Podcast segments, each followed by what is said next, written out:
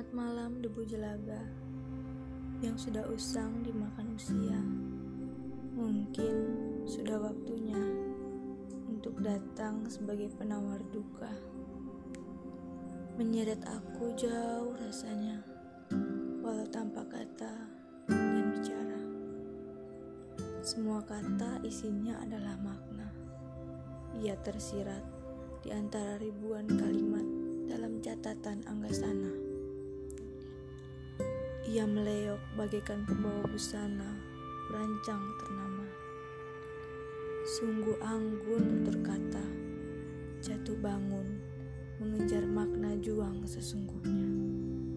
Mungkin hanya butuh denyut jantungi seirama untuk bisa merasakan berdebarnya alam raya. Mungkinkah Anda juga adalah komando isi ruang antariksa? Anda memunculkan banyak fakta tanpa ada cerita. Sua Anda bagaikan serutan kain sutra, membuatnya butuh waktu yang lama untuk dicerna oleh otak manusia purba. Anggasana di Baskara, bisakah aku bertanya pada dunia, apakah makna sebuah kehidupan batari niskala? Apakah hanya sebagai jerami di pembuangan belaka? Bantulah tenangkan Niskala, bawalah serta Nirmala ke dalam sosok seorang juang Baskara.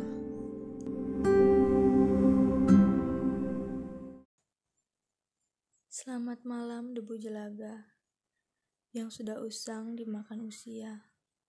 Mungkin sudah waktunya untuk datang sebagai penawar duka menyeret aku jauh rasanya, walau tanpa kata dan bicara. Semua kata isinya adalah makna. Ia tersirat di antara ribuan kalimat dalam catatan Anggasana. Ia meleok bagaikan pembawa busana, perancang ternama.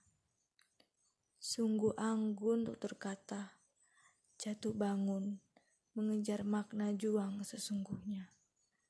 Mungkin hanya butuh denyut jantungi seirama untuk bisa merasakan berdebarnya alam raya. Mungkinkah Anda juga adalah komando isi ruang antariksa? Anda memunculkan banyak fakta tanpa ada cerita. Sua Anda bagaikan serutan kain sutra membuatnya butuh waktu yang lama untuk dicerna oleh otak manusia purba. Anggasana di Baskara, bisakah aku bertanya pada dunia, apakah makna sebuah kehidupan batari niskala? Apakah hanya sebagai jerami di pembuangan belaka? Bantulah tenangkan niskala, bawalah serta nirmala ke dalam sosok seorang juang Baskara.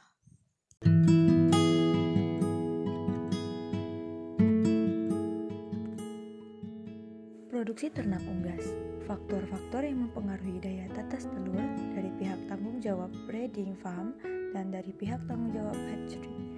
Daya tetes atau ukuran kesuksesan. Ukuran kesuksesan hatchery adalah jumlah anak ayam berkualitas pertama yang diproduksi.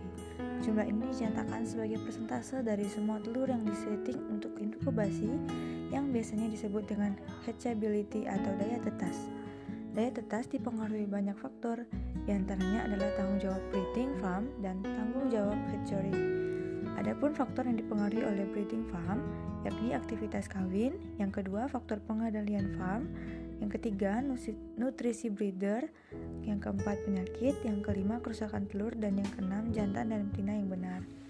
Adapun faktor yang mempengaruhi oleh hatchery ialah pertama sanitasi telur, yang kedua penyimpanan telur dan hatchery, tiga sanitasi penyimpanan telur, keempat kerusakan telur inkubasi, manajemen starter dan hatcher, yang keenam penanganan anak ayam. Adapun manajemen penetasan telur ialah telur yang tidak sesuai dengan untuk ditetaskan Adapun ialah telur kotor, retak, kecil atau menurut kebijakan hatchery merupakan kecil. Yang keempat, telur besar atau kuning telur ganda atau double yolk. Yang kelima, cangkang telur buruk tapi warna cangkang telur boleh diterima untuk penetasan. Yang keenam, telur cacat.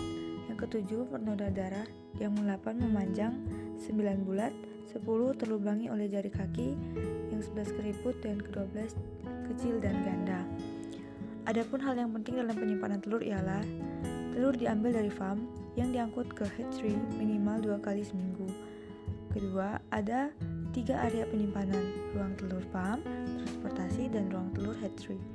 Yang ketiga, penting untuk mencocokkan kondisi di setiap situasi ini semaksimal mungkin untuk menghindari perubahan tajam suhu dan kelembaban yang dapat menyebabkan kondensasi atau berkeringat pada telur atau telur kedinginan ataupun kepanasan.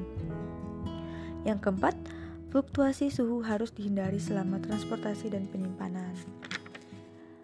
Adapun kondisi optimal penyimpanan telur ialah yang pertama, lama waktu telur disimpan di suhu serta kelembaban. Optimum berpengaruh terhadap daya tetes terbaik.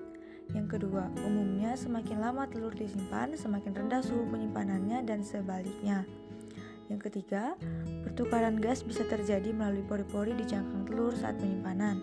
Yang keempat, karbon dioksida beroksidasi keluar dari telur dan konsistensinya menurun cepat selama 12 jam pertama setelah telur ditetaskan. Telur juga kehilangan uap air saat penyimpanan. Hilangnya karbon dioksida dan air berkontribusi terhadap kerugian daya tetas dan kualitas anak ayam setelah penyimpanan. Yang keempat, Pengaruh penyimpanan telur. Yang pertama, penyimpanan mempengaruhi penyimpanan memperpanjang waktu inkubasi. Rata-rata satu, satu hari pada penyimpanan akan menambah satu jam pada waktu inkubasi. Yang kedua, daya tetas akan menurun karena penyimpanan yang berkepanjangan. Efek ini meningkatkan seiring waktu penyimpanan setelah periode 6 hari awal mengakibatkan kerugian 0, sampai 0, 0,5 sampai 1,5 persen per hari dengan persentase semakin meningkat seiring penyimpanan yang semakin lama. Yang ketiga, kualitas anak ayam akan terpengaruh dan kepanen terpengaruh dan komponennya atau bobot brioler bisa menurun pada anak ayam yang berasal dari telur yang telah disimpan selama 14 hari atau lebih. Yang kelima, setting telur dan setting waktu penetasan. Adapun setting telur ialah yang pertama, untuk menghindari perbedaan, perbedaan suhu yang drastis pada embrio dan kondensasi terhadap sangkang telur, maka telur harus dikeluarkan dari ruang telur dan dihangatkan terlebih dahulu atau pre-warm sebelum setting. Yang kedua, suhu ideal ialah 24-27 derajat Celcius sehingga semua telur dapat mencapai suhu yang diinginkan. Yang ketiga, Sirkulasi udara yang efektif dan suhu ruang yang benar sangat penting untuk mencapai pra-pemanasan telur yang diperlukan secara merata. Yang keempat, meski dengan sirkulasi udara yang baik, perlu 8 jam bagi telur dan dibagi untuk mencapai suhu 78 Fahrenheit atau 25 derajat Celcius terlepas dari suhu awal mereka. Yang kelima, baiknya berikan sirkulasi udara yang di sekitar telur yang baik di sekitar telur. Sediakan 6-12 jam untuk pra pemanasan. Yang selanjutnya adalah setting waktu penetasan. Ada tiga faktor yang mempengaruhi total waktu inkubasi telur. Yang pertama, suhu inkubasi, di mana biasanya sama untuk setiap hatchery. Tapi untuk mencapai waktu yang cukup yang dibutuhkan anaknya anak ayam, maka variasi waktu di mana telur disetting dapat berubah sesuai dengan umur dan ukuran telur. Yang kedua, umur telur. Telur yang disimpan perlu waktu lebih lama untuk diinkubasi. Perlu penambahan waktu inkubasi ekstra jika telur disimpan lebih dari 6 hari atau 1 jam per hari per penyimpanan. Recording Manfaat data recording, komponen dan jenis-jenis recording produksi ternak unggas. Yang pertama, manfaat data recording Mengukur keberhasilan yang dicapai peternak membutuhkan data-data atau catatan dari kegiatan sehari-hari di kandang. Pros Ponan atau proses pencatatan data-data disebut dengan recording dan hasilnya berupa catatan kandang. Yang kedua, mengevaluasi usaha peternakan yang dikelola peternakan, tingkat keberhasilan dan kegagalan. Recording untuk mengontrol kinerja plasma dan anak kandang. Sehingga tujuannya adalah menghitung untung dan rugi. Yang keempat, menjadikan penerapan biosecurity lebih terorientasi. Yang selanjutnya merupakan komponen recording ternak itik. Yang pertama ialah populasi untuk mengetahui jumlah populasi itik yang dipelihara sangatlah penting. Yang kedua depresi atau penyusutan meliputi jumlah itik yang mati, dari afkir dan hilang. Yang ketiga berat badan. Data berat badan penting untuk dicatat mengingat secara kontinu berpengaruh terhadap performa ayam dan kualitas ransum. Yang keempat, program dan jumlah pemberian ransum. Yang kelima, konsumsi air minum ialah jumlah air yang dikonsumsi sangat penting untuk mengevaluasi status kesehatan itik dan suhu udara kandang. Yang keenam, produksi telur. Data mengenai jumlah telur yang dihasilkan atau uh, hasil hari, harian dari sangat harian sangat penting dicatat untuk penentuan keberhasilan manajemen pemeliharaan serta membantu identifikasi ada tidaknya serangan penyakit. Yang ketujuh adalah FCR atau Feed Cost Ratio, di mana ternak itik daging, produksi ternak itik daging yaitu mengetahui data produksi berdasarkan FCR atau mengevaluasi kegiatan pemeliharaan serangan penyakit. Yang kedelapan, riwayat kesehatan atau medical record, di mana diperlukan untuk melakukan tepat kapan melakukan vaksinasi, pemberian obat, mengontrol sirkulasi obat, dan barang penunjang kesehatan lainnya. Adapun jenis-jenis data recording yang pertama data harian periode fase starter dan grower unggas pembibit, dua data mingguan periode fase starter dan grower unggas pembibit, yang ketiga data harian periode fase layar unggas pembibit, data mingguan periode fase layar unggas pembibit, dat laporan pemeliharaan ayam broiler dan jantan petelur, data harian starter dan dan grower ayam ras petelur, data mingguan periode starter dan grower ayam ras petelur, data harian periode fase layar ayam ras petelur, data mingguan periode fase layar ayam ras petelur.